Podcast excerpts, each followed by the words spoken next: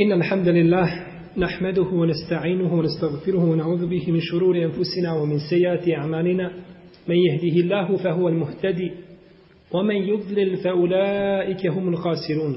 وأشهد أن لا إله إلا الله وحده لا شريك له.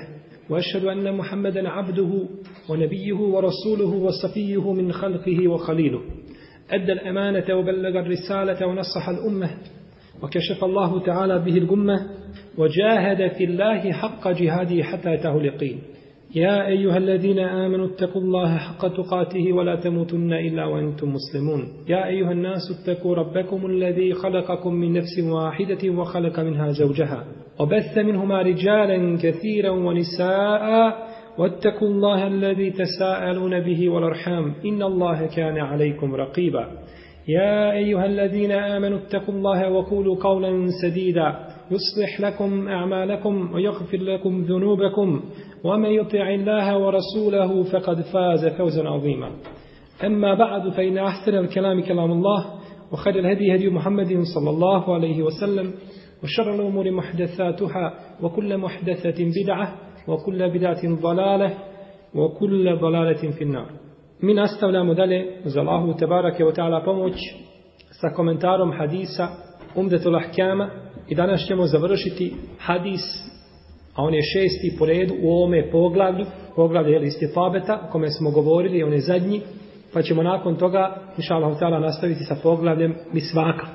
U ovome hadisu, Abdullah ibn Abbas, radijallahu ta'ala anhu, kaže, مر النبي صلى الله عليه وسلم بقبرين فقال إنهما ليعذبان وما يعذبان في كبير أما أحدهما فكان لا يستتر من البول وأما الآخر فكان يمشي بالنميمة فأخذ جريدة رطبة فشقها نصفين فغرز في كل قبر واحدة فقالوا يا رسول الله لم فعلت هذا؟ قال لعله يخفف عنهما ما لم ييبسا. Kaže Abdullah ibn Abbas radijallahu ta'ala anhu, prošao je poslanik sallallahu alaihi wasallame pored dva kabura, pored dva mezara. Pa je kazao, njih se dvojica, stanovnici ovih mezara, jeli, kažnjavaju, a ne kažnjavaju se zbog nečega velikog. Što se tiče jednog od njih, nije se sakrivao od mokraće, a drugi je hodao po nemimetu, činio je puno nemimet, prenosio riječi.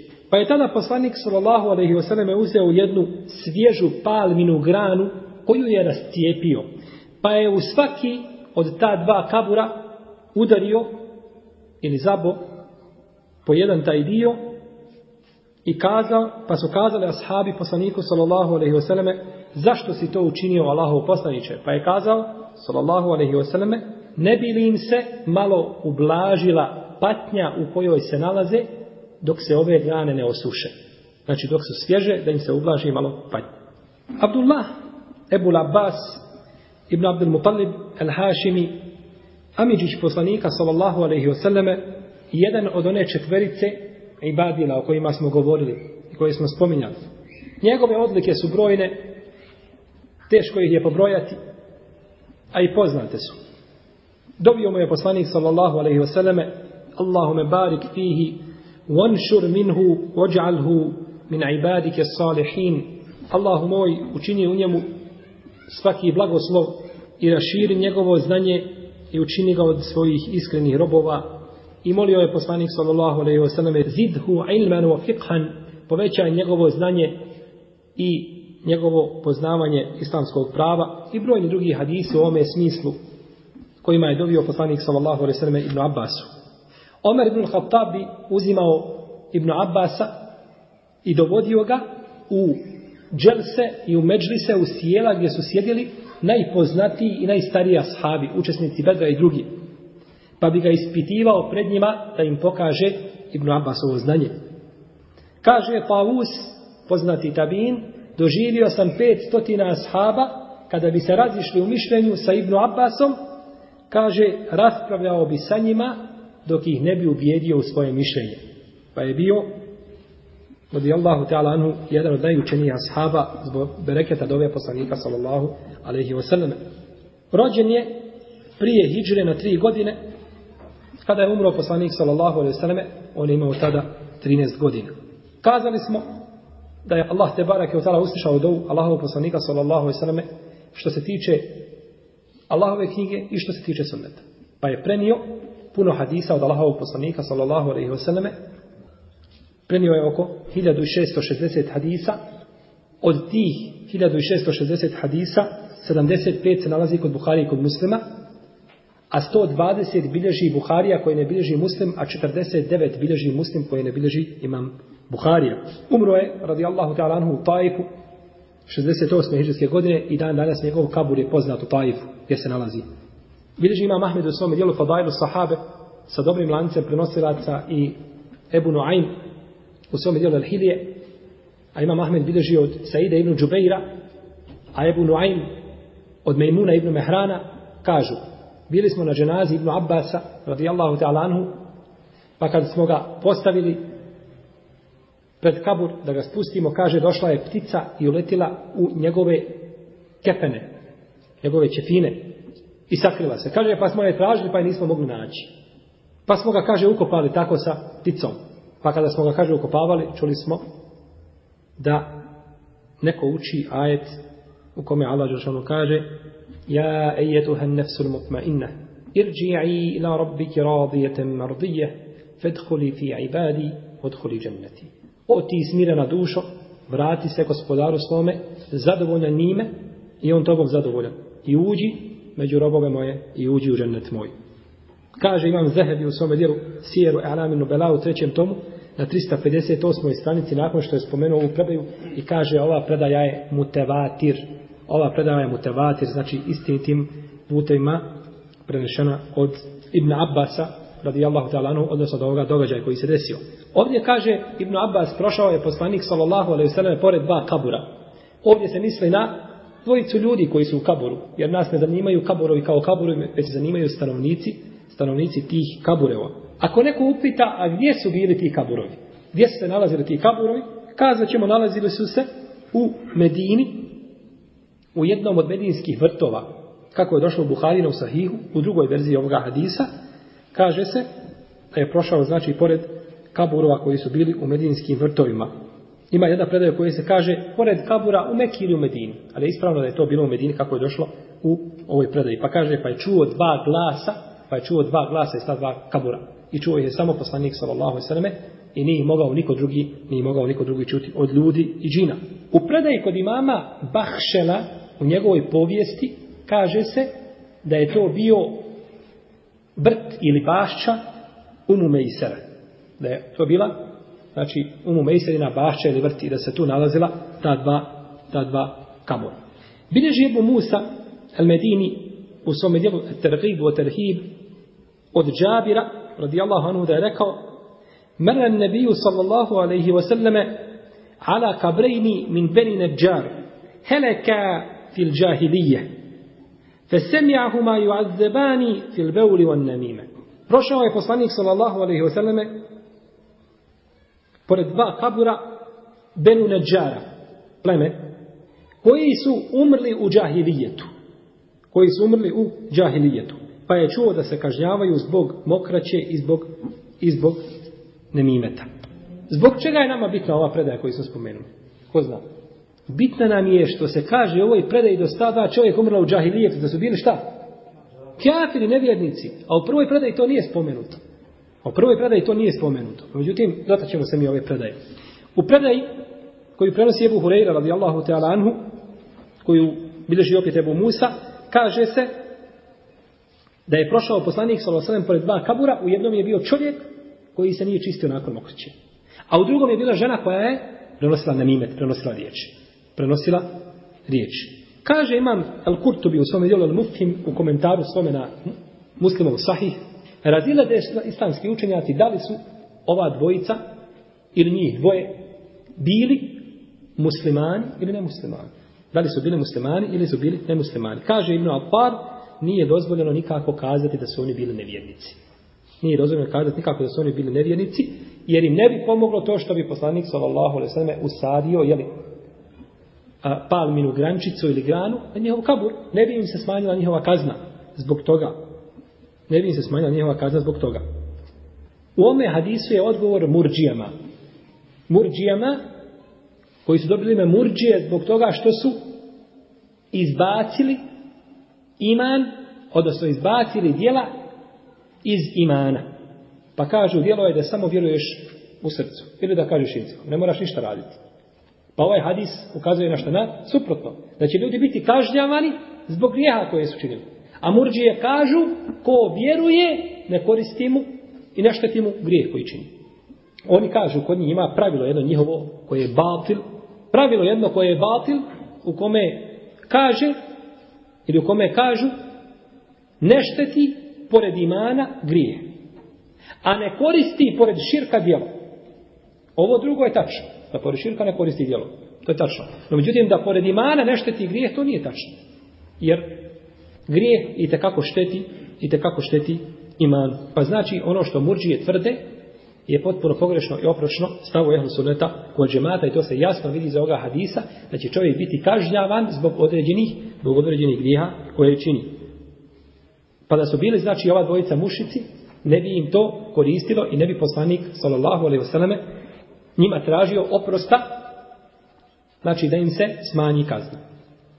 Kada bi ovaj hadis koga smo spomenuli za koga neki kažu da je dobar, a međutim ispravno da je on slab, jer u njemu ima Ibnu Lahija, El Misri, a on ima, ima slabo pamćenje, kada bi bio ispravan, s ovim bismo potvrdili jednu novu vrstu šefata. A to je šefat poslanika sallallahu alaihi wasallam za kafire. Je tako? To bi bio šefat, jer on došao i zagovorništvo je Allahov poslanika sallallahu alaihi njegove jer su prihvaćene. Pa bi to bio jedan novi vid šefata. No, međutim, Allah najbolje zna da ova predaja nije ispravna i ovo je ispravno, e, dugo govorio Hafid ibn Hajar u Fethul Bariju i drugi i potvrdili su da se radi o muslimanima, da se radi o muslimanima i to se zaključuje iz polješnjeg, iz polješnjeg značenja ovoga hadisa. Innehuma la yu'adzebani.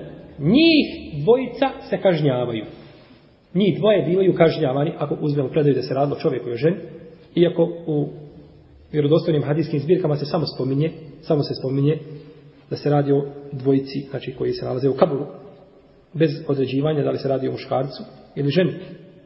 Kažnjavaju se. U ome dokaz o postojanju i ispravnosti azavskog kabura. Da će čovjek znači biti kažnjavan, da će čovjek biti kažnjavan u kaburu. I to je mezheb, i to je put, i to je akaid ehlu sunneta vol džemata. Znači, ehlu sunneta vol džemata svi se slažu da je azamski kabur istina i to je do nas prenešeno mutevatir predajama. Mutevatir predajama znači da postoji kaburski azab gdje da će ljudi biti kažnjavani ovaj, u kabu. Ko porekne kaburski azab, kakav je njegov propis? Mnogi učenjaci kažu da je nevjernik, drugi kažu da nije da je teški griješnik i pasik i prestupnik, a jedna skupina kažu da je izišao iz vjere zato što on u stvari poriče riječi Allaha te barake od ta'ala i bezbrojne hadise poslanika sa osanem koji su dostigli mu tevatir predaje. A onaj ko porekne mu tevatir predaje biva šta? Biva kjafir, biva nevjernik. Ko porekne mu tevatir predaje.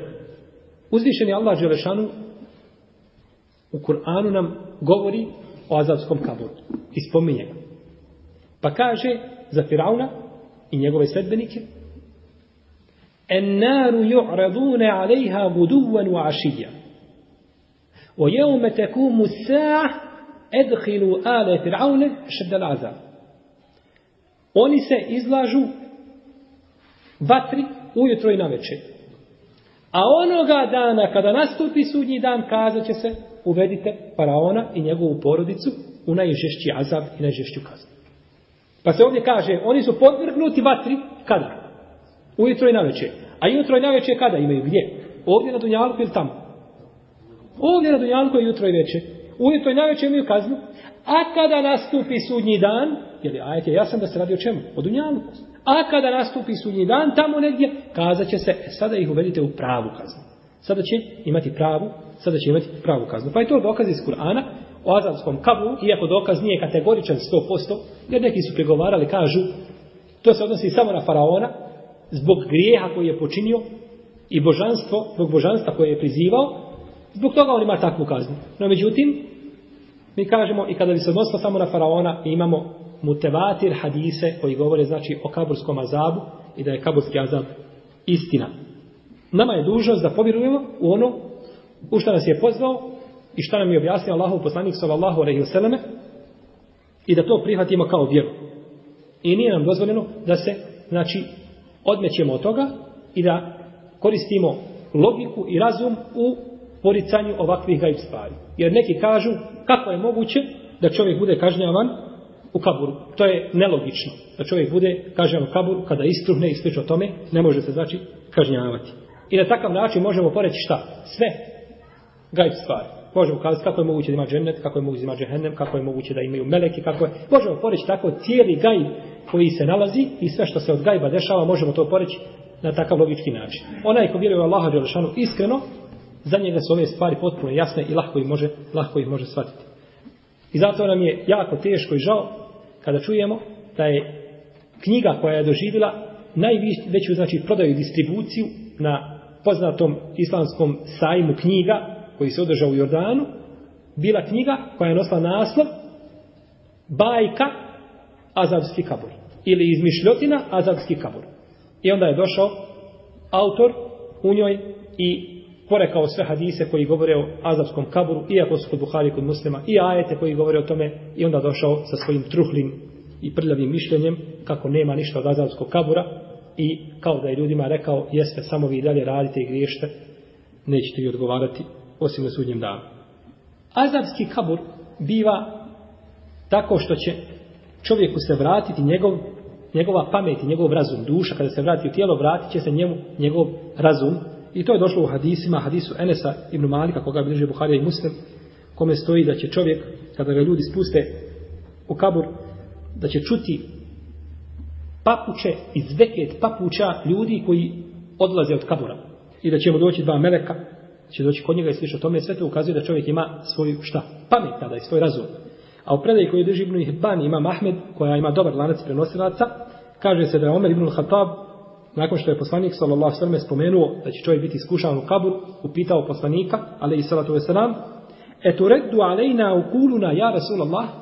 Hoće li nama kaže tada naša pamet biti vraćena u kabur? Ćemo biti razumni ljudi? Pa je kazao poslanik sallallahu alejhi ve alihi ve "Nam ke hayyatikum al-yawm." Isto kao što danas. Kao što danas izgledate, tako ćete biti u kaburu. Na isti način. Pa će vam biti vraćena vaša pamet i vaš razum i bit ćete znači u kaburu na isti način tako kažnjavan. Neki kažu da će biti čovjek kažnjavan, ali samo tijelom. Neće biti znači duše vraćene u tijela, nego samo da će čovjek biti kažnjavan, da će biti kažnjavan svojim tijelom. I ovo je stav nekih keramita. A kažu mu Tezile da će čovjek biti kažnjavan, ali da neće osjetiti bol. Pogledajte zablude. Biće kažnjavan u kaburu, ali neće osjetiti bol. Nego kažu, taj će bol osjetiti kad bude proživljen na sudnjem danu. Kad ga Allah poživi, onda će osjetiti taj bol. Jer oni kažu da čovjek neće mu biti vraćena šta duša u tijelo. A tijelo samo po sebi ne može osjećati bol bez duše. Pa kažu, bolovi će se nagomilavati, pa će osjetiti kad budu proživljeni na sudnjem, na sudnjem danu. Pa kada se Allah sačuva džehla i neznanje. Kaže šehovi Islam Ibn Tejmije, kaže u svojim fetvama u četvrtom tomu, Nije, kaže, dozvoljeno nikako da čovjek kaže i da smatra da će kaburski azab ili kaburske blagodati uživanja koji će biti da je to slično snu, da čovjek nešto sanja ili da osjeti i slično tome. Kaže, to nije kao san. Nego kaže, to je istinit bol koga će osjetiti onaj ko bude bio kažnjavan, a kaže isto tako, to su, kaže, istinite, istinite, kaže, blagodati koje će ovaj osjetiti i stvarne blagodati koje će ostati oni koji budu znači u, u blagodatima kaburskim. Šeho Islam ibn Kajim, svome djelo Ruh, spominje, kaže, pitanje šeho Islam ibn Tejmije o kažnjavanju čovjeka u kaburu, je li to samo duša ili je tijelo ili je oba dvoje, pa je kazao šeho Islam ibn Tejmije, بل العذاب والنعيم على النفس والبدن جميعا باتفاق أهل السنة والجماعة kaže što se tiče kaburske kazne ili kaburskih uživanja oni se odnose kako na dušu, tako i na tijelo po konsensusu ehlu suneta očeva. Odnose se znači kako na dušu, tako, tako i na tako i na tijelo. I onda nakon što je spominjao neke hadise, kaže šehr Islam ibn Kajim, na drugom mjestu, i ovi hadisi, kaže, jasno ukazuju da se duša vraća čovjeku u tijelo, znači i da biva kažnjavana i duša i tijelo. I što se tiče, znači, kaburskog azaba, islamski učenjaci Ehlu Sunnata od džemata su složeni da je to istina, kako navodi šehol Islam ibn Kajim i drugi, i to odgovara vjerodostojnim hadisima poslanika sallallahu sallam i onome što je došlo u Kur'anu od Allaha te barake wa ta'ala.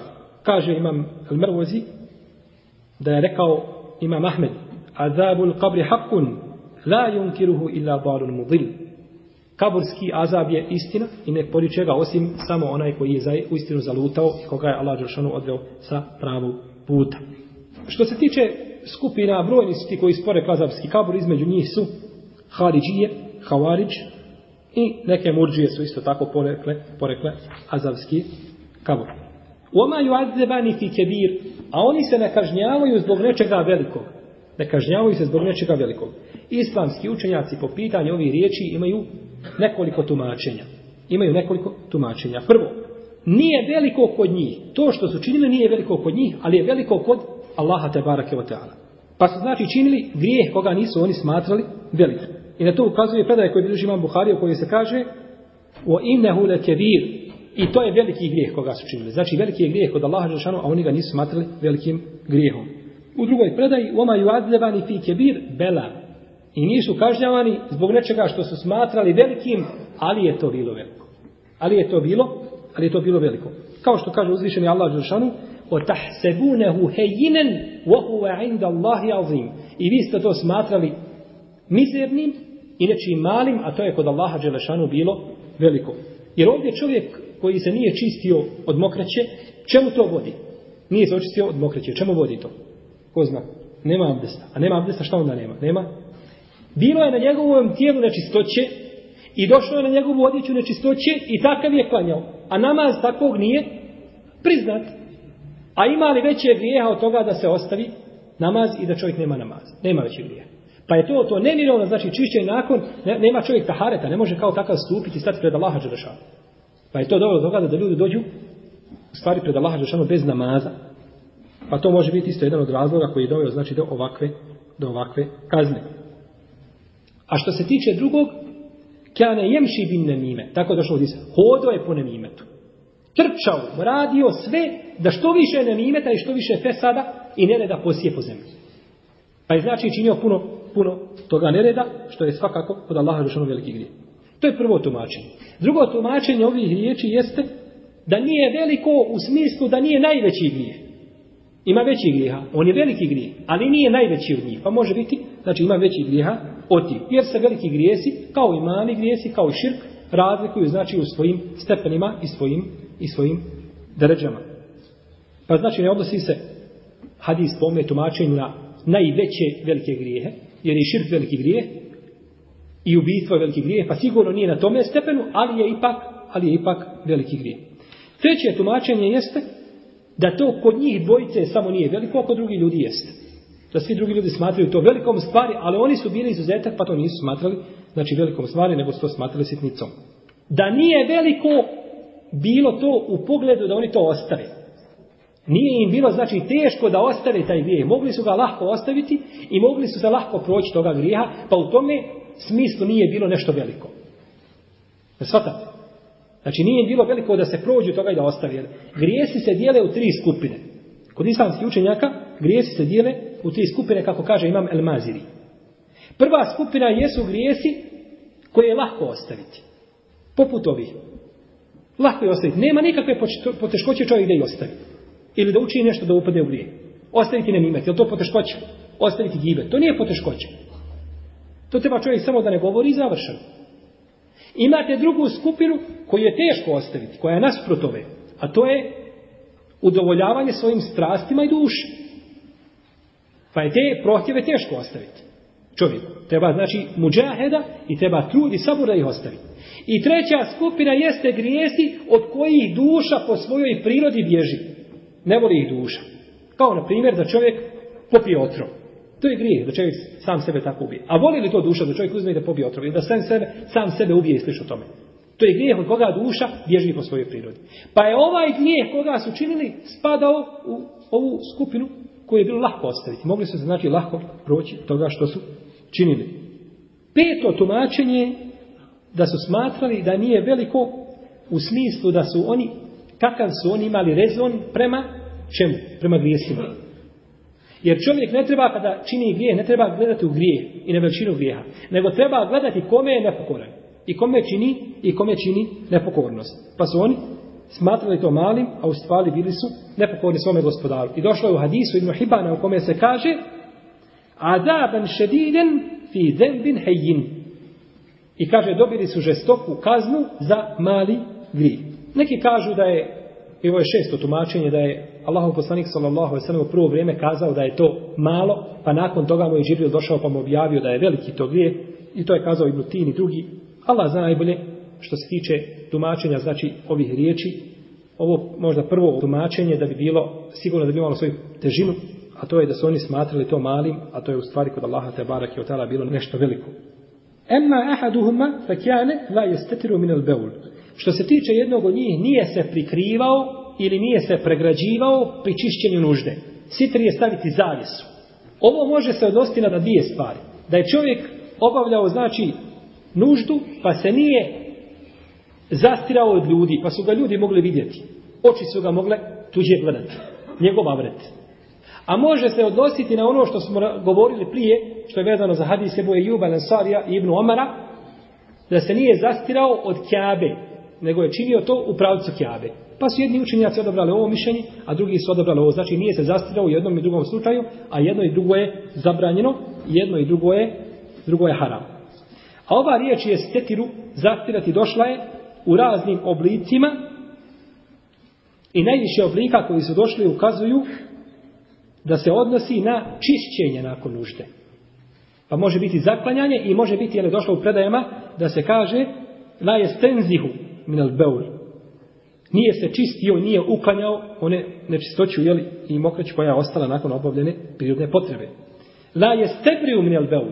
Isto tako nije znači uklanjao, nije se čistio i slično, i slično tome. U jednoj se predaji kaže la je stentiru minal beul. I nije čistio svoje stidno mjesto od mokraće koja je ostala u mokraćom kanalu. Tako znači hadis, međutim ova predaja ima potpun slab lanac prenosilaca, pa se ne odnosi na ovo, nego znači ne odnosi se na ono šerijatsko čišćenje, o tome smo mi već prethodno govorili. Minel beul nije se čistio od mokraće. Iz ovoga hadisa se uzima dokaz da je mokraća šta? Nečista. Jer mora se čovjek čistiti od mokraće, a da je mokraća bila čista, onda se ne bi morao čistiti od nje. I mokraća je nečista bez obzira o kojoj se količini, o kojoj se količini radilo. I to je mišljenje većine islamskih učenjaka, osim, osim onoga što ostane kao trag nakon obavljene fiziološke potrebe, to je ono što je oprošteno u šerijatu i gdje ima olakšita. Znači, trag ako ostane, bilo nakon velike ili male nužde, to ne smeta. Ali protivnom čovjek mora znači ukloniti onu nečistoću. I to je mišljenje znači mama Malika i većine papiha, Ebu Hanife i Ebu Jusuf i Muhammed kažu da ono što je veće od dirhema, da je to nečisto. A što je manje od dirhema, da je čisto. Znači, uzimajući kao olakšicu tome pogledu. Učenjaci kufe kažu, ako popršće poput onih vrhova igle, da ne smeta. Znači, a mimo toga bi se moralo pratiti. No, međutim, ispravno je mišljenje većine islamskih, islamskih učenjaka. Wa amma al-akhar fa kana yamshi bin namime. A što se tiče drugog od njih, hodao je po nemimetu. Nemimet je da čovjek prenosi riječi nečije ciljem da napravi razdor i smutnju i fesad i nered. To se zove nemimet. I on je povezan sa ribetom, no međutim svaki od njih ima svoje specifičnosti. Uzvišen je Allah Đeršanu u Kur'anu zabranio ribet. A isto je tako u Kur'anu zabranio nemimet. Ko će nam spomenuti ajet po kome Allah Đeršanu brani nemimet? Ogovarati. Gdje je nemimet? Vojnun li kulli humezetil numeze. Teško se svakom klevetniku pod, podrugljivcu. Klevetnik koji klevet će nas, ljude, ide od jednih do drugih i priča. To je jedan od dokaza. No, međutim, ima još precizni, još jasniji argument. Hemmazin mešain binemim. Klevetnik koji tuđe riječ prenosi. Binemim binemim, hemmazin mešain binemim, koji hoda po nemimetu. Pa je jasno spomenuto, znači u pogrednom smislu ovdje, spomenut je nemimet. Pa je nemimet haram i zabranjen isto kao gibet. Kaže poslanik sallallahu alaihi wasallame u hadisu koga bileže Buharija i Muslim od Huzeyka radijallahu anhu la jedhulu džennete nemam neće ući u džennet onaj koji čini nemimet. Neće ući u džennet. Islamski učenjaci kažu neće ući u džennet ovo ima dva tumačenja. Da se kaže neće ući u džennet sa onima koji prvi budu ulazili u džennet. A drugi kažu neće ući u džennet nikada ako bude od onih koji su učinili nemimet i smatrao to dozvoljenim, ohalalio nemimet. Jer nemimet sam po sebi nije kufur i ne, nije nevjerstvo. Osim ako čovjek kazao jeste nemimet je halal i to je fino da se čini i to je pohvalno. Tada bi čovjek izišao iz vjere. Pa u tom slučaju neće ući nikada u dženet. Ili da kažemo ući u dženet, ali neće ući sa onima prvima. Znači dva tumačenja ovoga hadisa. U svakom slučaju kada bi čovjek činio nemimet, a ne to smatrao dozvoljenim, ući u dženet, ali sigurno da neće ući sa onima koji ulaze prvi u dženetska poslanstva. Jel? Ponekad će nemimet biti obavezan. Preneti riječi, iako će riječi napraviti pesad, bit će obavezne da se prenesu, da bi se riješio neki problem, ili da bi se muslimani sačuvali zla i slično tome. Znači ono što smo pričali o ogovaranju, to isto vrijedi, to isto vrijedi i za, i za nemimet. Nemimet je haram bez obzira radilo se o riječima da čovjek kaže da prenese ili da pokaže rukom ili da i šaretom ukaže ili okom da namigne i slično tome. Kako god da uradi i šta god da uradi i time znači ovaj učini i smatra se od onih koji prenose riječi da bi tako pokvarili odnose među ljudima, smatraće se da je od onih koji čine nemimet. Jer je osnova da čovjek prikrije stanje i hal muslimana i da ga ne otkriva. Ne da ide znači govoriti šta je on učinio zla, tako da ga sramoti. Osim ako se radi, naravno da je u tome korist za muslimane, to je onda isto kao i ogovaranje. Kada neko dođe nekome, pa mu prenosi riječ od nekoga, obaveza mu je šest stvari, da učini šest stvari. Taj koji čuje toga, obaveza mu je da učini šest stvari. Prvo, da mu ne vjeruje. Dok ti dođe i prenosi ti riječi od nekoga, kako je neko rekao o tebi to i to, obaveza ti je prvo da mu ne povjeruješ. Jer je nemam, onaj koji čini na nimet je šta? Fasik. Je tako? Fasik. Teški griješnik. Jel čini? Veliki grije. A šehadet fasika i njegovo svjedočenje nije šta? Primljeno u šerijat. Razumijete? Čovjek dođe i govara ljude. Pozna da ugovara ljude. Ne može se njegov šehadet, njegov se šehadet neće prihvatiti. Čovjek prenio riječ, kada je mu prvo, ja to tebi ne mogu povjerovati. Ako ćeš mu već kazati. I zato što si ti fasik i od tebe se to ne može primiti to što govoriš. Pa je znači njegov šehadet neprihvatljiv i ne može se to prihvatiti od njega. Druga stvar da mu zabrani to što čini i da upozori na grijeh koji je počinio. Treća stvar, da ga mrzi u ime Allaha Đelešanu. Jer je on mrzak kod Allaha. Allah ga mrzi, pa ga Allah mrzi, mrzga i ti. Jer Allah ne voli nepokornike, ne voli fasike. Četvrta stvar, da ne pomisliš o čovjeku od koga je on te premio riječ ružno. Kako kaže uzvišeni Allah Đelešanu, ičtenibu kethiran min al-van. Ja, ejuha alladina amanu, ičtenibu kethiran min al-van. O vjernici, klonite se mnogih, mnogih sumnjičenja. Znači, pa nećeš pomisliti o tome čovjeku od koga vam premio riječ nešto loše. Da te ne navede to što ti on kazao, da uhodiš On ti kazao nešto tako i tako i kažeš ti sad, sad će ja to provjeriti. Pa onda ideš za tim čovjekom i šta? Ispitivaš, uhodiš ga, da potvrdiš ili negiraš ispravnost njegovi riječi. Nećeš to sebi dozvoliti. Jer uzvišeni Allah Žešanu kaže وَلَا تَجَسَّسُ I nemojte jedni druge uhoditi. Nemojte jedni drugi uhoditi. Ibn Mesudu su kazali, čovjeku kaže, vino curi iz njegovu bradu, koliko pije. Može popiti pa se preleva se iz usta i curi po bradu. Kaže, Allah nam je zabranio uhođenje. Jer to nije javno činio. Pa nećeš ići uhoditi da vidiš šta neko, šta neko radi. I šesta stvar, neka ne dozvoli sebi ono što je zabranio čovjek koji je premio riječ. A to je da ide i da drugom prenosi riječ koju je ovaj kazao. Zabranio si njemu i pogrdio njegovo djelo, njegov postupak. I onda nakon toga ideš ti i činiš istu grešku i prenosiš, prenosiš znači te njegove riječi koje je kazao taj koji je činio na imet. Pa onda čovjek upadne u istu stvar. Kaže pjesnik, jedan arapski, La tenhe an hulukin wa te'ti mislehu arun alejke iza fealte azimu. Nemoj sprečavati da ljudi nešto čine, a ti kaže činiš isto to. Ako budeš tako postupao, onda si ružno učinio. Znači da čovjek čini ono što je već zabranio nekom. Došao je čovjek Omaru ibn Abdelazizu i kaže Kaže, o tebi je jedan rekao to i to. Pa mu kaže Omar ibn Abdelaziz, ako hoćeš, ja ću provjeriti, kaže, to što si ti kazao. Pa ako kaže, bude ispravno to što si rekao, ako si kaže istinit, onda si ti hemmazim mešaim binemim. Onda si ti klevetnik koji čini nemimet. Ako si iskren, onda si klevetnik koji čini nemimet. A kaže, ako si lažov i ako si neiskren i neistinit u svojoj tvrdi, onda se kaže od onih za koje Allah šano kaže in ja'ekum fasikun fetebejenu. In ja'ekum fasikun binebein fetebejenu. Ako vam dođe fasik, sa nekom vijesti vi to provjerite. Pa je kazao ovaj čovjek u redu, kaže, pusti me, neću to više nikada, neću to više nikada činiti, oprosti mi vladaru pravovjernih. Pa je otišao. Spominje Kjab al-Ahbar, to je bio židov koji je primio islam, da je Musa, a.s. jedne prilike, nakon što je Benu Israil zadesila velika žega, izišao da traži kišu od Allaha Đelešanu. Pa je Allah Đelešanu rekao, o Musa, ja vam neću poslati kišu.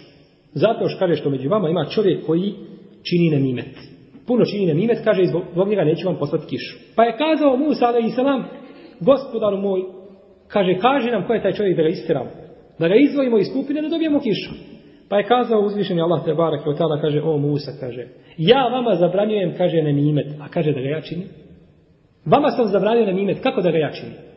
Pa su prenoćili to večer pa je ujutro Allah Žešanu poslao im, poslao im kišu. A kaže Jahja ibn Zej, da je rekao Hasanu ibn Ali, kada su ga napojili otrovom, kaže, reci ko te napoji otrovom, da znamo. Pa je kazao, radi Allahu ta'ala anhu, subhanallah, kaže, kaže, još jedan mali, kratki vremenski period, kaže, moja će stopala koja je to ovdje na dunjalu. Da nakon toga, kaže, sramotim i da otkrivam ljude i da činim nemimet. Iako mu je bilo dozvoljeno u tome stanju da kaže, iako je trebao kazati ko je taj koga je ubio, no međutim, pogledajmo kako su pazili na sebe i na svoje dijela i smatrali su da će zato odgovarati pred uzvišenom Allahom te barake o U predaji koji je zabilježio ima Mahmed, koja ima vjerodostajan lanac prenosilaca, stoji mjesto ovdje, en nemimeta stoji ribet. Da je jedan činio ribet, a da je drugi, da se nije čistio od mokraće. I ovaj predaj je također vjerodostojna. Pa ima, znači, predaj imamo od ribeta i imamo od čišćenja nakon mokraće. A u predaji koju bilježi Imam Elberqi u svojoj povijesti kaže se da je jedan jeo meso ljudi, a drugi se nije čistio od mokraće. Što isto ukazuje znači na ribet, da se radi o ribetu. Ovdje što se tiče toga što je poslanik sallallahu sallam posadio dvije grane palmine, islamski učenjac to tefsire na dva načina. Kažu da je poslanik sallallahu sallam njima dobio u tom vremenu, pa da im je zbog toga smanjena kazna, a drugi kažu nije poslaniku sallallahu sallam je objavljeno tada da će im biti umanjena kazna, pa zbog toga je to uradio poslanik sallallahu sallam. A treći kažu Ne, nije, već će im biti umanjena kazna zbog toga što te dvije grane čine tespih. Jer tako, sve što je na zemlji čini tespih Allahu Đelešanu. Wa im min še'im illa yusebbihu bihamdihi. Nema ništa što je stvoreno, a da ne čini Allahu Đelešanu tespih. Pa kažu, te dvije grane kada se stave, one dok su, šta? Sirove, one će činiti tespih. No, međutim, imamo li mi razlog da sirova čini, imamo li dokaz da sirova grana čini tespi, a suha ne čini? Nemam. nego je osnova da sve čini, znači da sve čini tespi. No, međutim, smatrali su dok su te dvije grane sirove da čine tespi, pa da je onda, da će biti, znači, zbog toga umanjena kazna. Neki islamski učenjaci iz ovoga hadisa uzimaju jedan jako čudan propis. A to je da je čovjeku dozvoljeno da uči Kur'an mrtvacu na kaburu. Ko će mi kazati kako on to uzme dokaz? A to nigdje, nigdje nije spomenuto u hadisu. Oni kažu da će ta grana suha koja se zabode u kabur, da će čovjeku šta umanjiti njegovu kaznu. Kažu, ako grana suha umanjuje kaznu, onda učenje Kur'ana je preće da umanji kaznu. Jer kažu, tespih, šta je tespih grane u odnosu na sam Kur'an, jer je Kur'an Allahu Đeršanu govor. Tako da, uzimaju jako čudan propis. Ovaj propis, iako su ga kazali neki islamski učenjaci u svojim komentarima na muslima u Sahih i drugi, nije ispravan. Ne može se prihvatiti jer prvo učenje Kur'ana na kaburu nema nikakve osnove, to nije činio naš selef, nemamo vjerodostojnih predaja o tome, Ajša radijallahu ta'ala anha je pitala poslanika sallallahu alejhi ve selleme o Allahu poslaniče, šta ću kazati kada dođem na kabur. Pa je poučio dovi koju će učiti kada dođe na kabur. A nije kazao prouči ni Fatihu, ni prouči nešto iz Kur'ana i sve tome. Ona pita Allahu poslaniče, šta da kažem kad dođem na kabur. A ona mu je žena, najdraža mu je osoba. Pa njoj bi prvo i rekao i najbolje mi je poučio. Iako Allahu poslanik nije razlikovao u pogledu jeli, prenošenja između ljudi. Pa je rekao, reci dovu. Selamun alaikum, dijare kao mi mu'minin i tako do kraja ili dove. A nije joj kazao prouči Fatihu ili prouči nešto iz Kur'ana ili prouči Jasin i prouči slično tome. I kaže poslanik sallallahu alejhi ve sellem u predaji koju bilježi ima Muslim u svome sahihu od Ebu "La taj'alu buyutakum maqabir, fa inna ash-shaytana yafirru min al-bayti alladhi tuqra'u fihi suratu al-baqara Nemojte kaže svoje kuće činiti mezarima. U istinu šejtan bježi iz kuće u kojoj se uči sura al-baqara Znaš što ovaj hadis ukazuje? Da se na kaburu ne uči sura al-baqara Jer kaže, nemojte činiti svoje kuće mezarima. Šeitan bježi iz kuće u kojoj se uči sura al-baqara što znači da se na kaburu ne, ne uči sura al-baqara E isto tako poslanik sallallahu alejhi ve selleme je zabranio da se klanja na kaburima, jer se na kaburima, jer se u namazu uči Kur'an, a na kaburu nema učenja, nema učenja Kur'ana. Tako da ovaj propis koga su izveli neki islamski učenjaci iz ovoga hadisa, nema svoga mjesta, nema svoje osnove, ni nam preneseno ni od koga od prvih generacija, znači da je učio Kur'an na kaburu. A zar bi to moglo se desiti, a da nam to ne bude prenešeno od njih. Da su ashabi ili tabini tako postupali. Iz ovoga hadisa se zaključiva ono što smo kazali prije toga, da je nemimet haram i da je nemimet veliki grijeh, naročito kada se desi ovako kao što je spomenuto u hadisu. Kane jemši alen namime. Hodao je po nemimetu, puno činio nemimet. Zato su neki islamski učenjaci govorili, čovjek koji čini nemimet može za jedan sahat učiniti fesada i nereda više nego što može učiniti čovjek koji se bavi sihrom za cijeli mjesec dana. Zbog znači opasnosti nemimeta koja negativno djeluje jel, na cijelo društvo. Isto tako iz Hadisa se zaključuje obaveza čišćenja od svih vrsta nečistoće. Ako je obaveza čišćenja od mokraće, onda je obaveza čišćenja i od drugih vrsta nečistoće. Isto tako iz Hadisa se uzima zaključak da je obaveza čovjeku da se zastre kada obavlja fiziološku potrebu. Iz hadisa se također uzima zaključak da je dozvoljeno spomenuti čovjeka mrtvaca po njegovim nekim ružnim osobinama, ako je u tome opća korist za muslimane. Kao što je bilo u ome hadisu, da se muslimani pouče ili da uzmu pouku i ibret, onda se takva stvar neće smatrati jeli, ogovaranjem i spominjanjem po ružnom. Jel? Ima hadis od poslanika sallallahu alejhi ve selleme koga bilježi imam Abu Davud i Tirmizi i Hakim i drugi koji ima slab lanac prenosilaca u kome je poslanik sallallahu alejhi ve selleme kaže Uzguru mehasine meutakum wa kufu an mesavihim. Spominjite, kaže, dobra dijela vaših mrtvih, a nemojte spominjati njihova loša dijela. Međutim, ovaj hadis nije vjerodostojan, iako ima ispravno, ima ispravno značenje. Imam Buharija na osnovu ovoga hadisa naslovio dva poglavlja u svome sahihu, koja su bitna da se spomenu, Prvo je spominju, naslovio je poglavlje da je veliki grije da se čovjek ne zastire prilikom obavljanja nužde i spomenuo je ma džaje fil gaslil bau poglavlje znači koje se odnosi na čišćenje mokraće. I na kraju zadnji propis koga je iz ovoga hadisa izveo Ebu Abdillah el Džauzekani kaže i zaključujući iz ovoga hadisa da je dozvoljeno čovjeku da hoda između mezarja. U hadisa kaže da je poslanik sallallahu sallam prošao pored ta dva mezara Da li je to bilo još mezarja, Allah najbolje zna. U svakom slučaju zaključio je znači da je dozvoljeno hodati između mezarja. Možda bi se moglo još kazati da je dozvoljeno isto tako posjetiti mezar. Jer je poslanik sa osvijem došao znači tu do mezara i boravio pred njega. Pa bi se znači iz tog hadisa moglo i to zaključiti pored brojnih drugih hadisa koji ukazuju znači na legitimnost posjećivanja mezarja. Wallahu ta'ala alam. Sallallahu ala nebina Muhammed wa ala alihi wa sahbihi ajma'in. Ovim bismo završili znači poglavlje el istitabe, čišćenja nakon nužde. Spominjali smo na početku da ima šest hadisa koji su bili ome poglavlju. Govorili smo o svih šest hadisa, pa ćemo inša Allah narednog puta nastaviti o, u poglavlju Babu Sivak, poglavlje koje govori o misvaku. Allahu Teala Alem, sallallahu ala nebina Muhammed, wa jazakumullahu Allahu khair.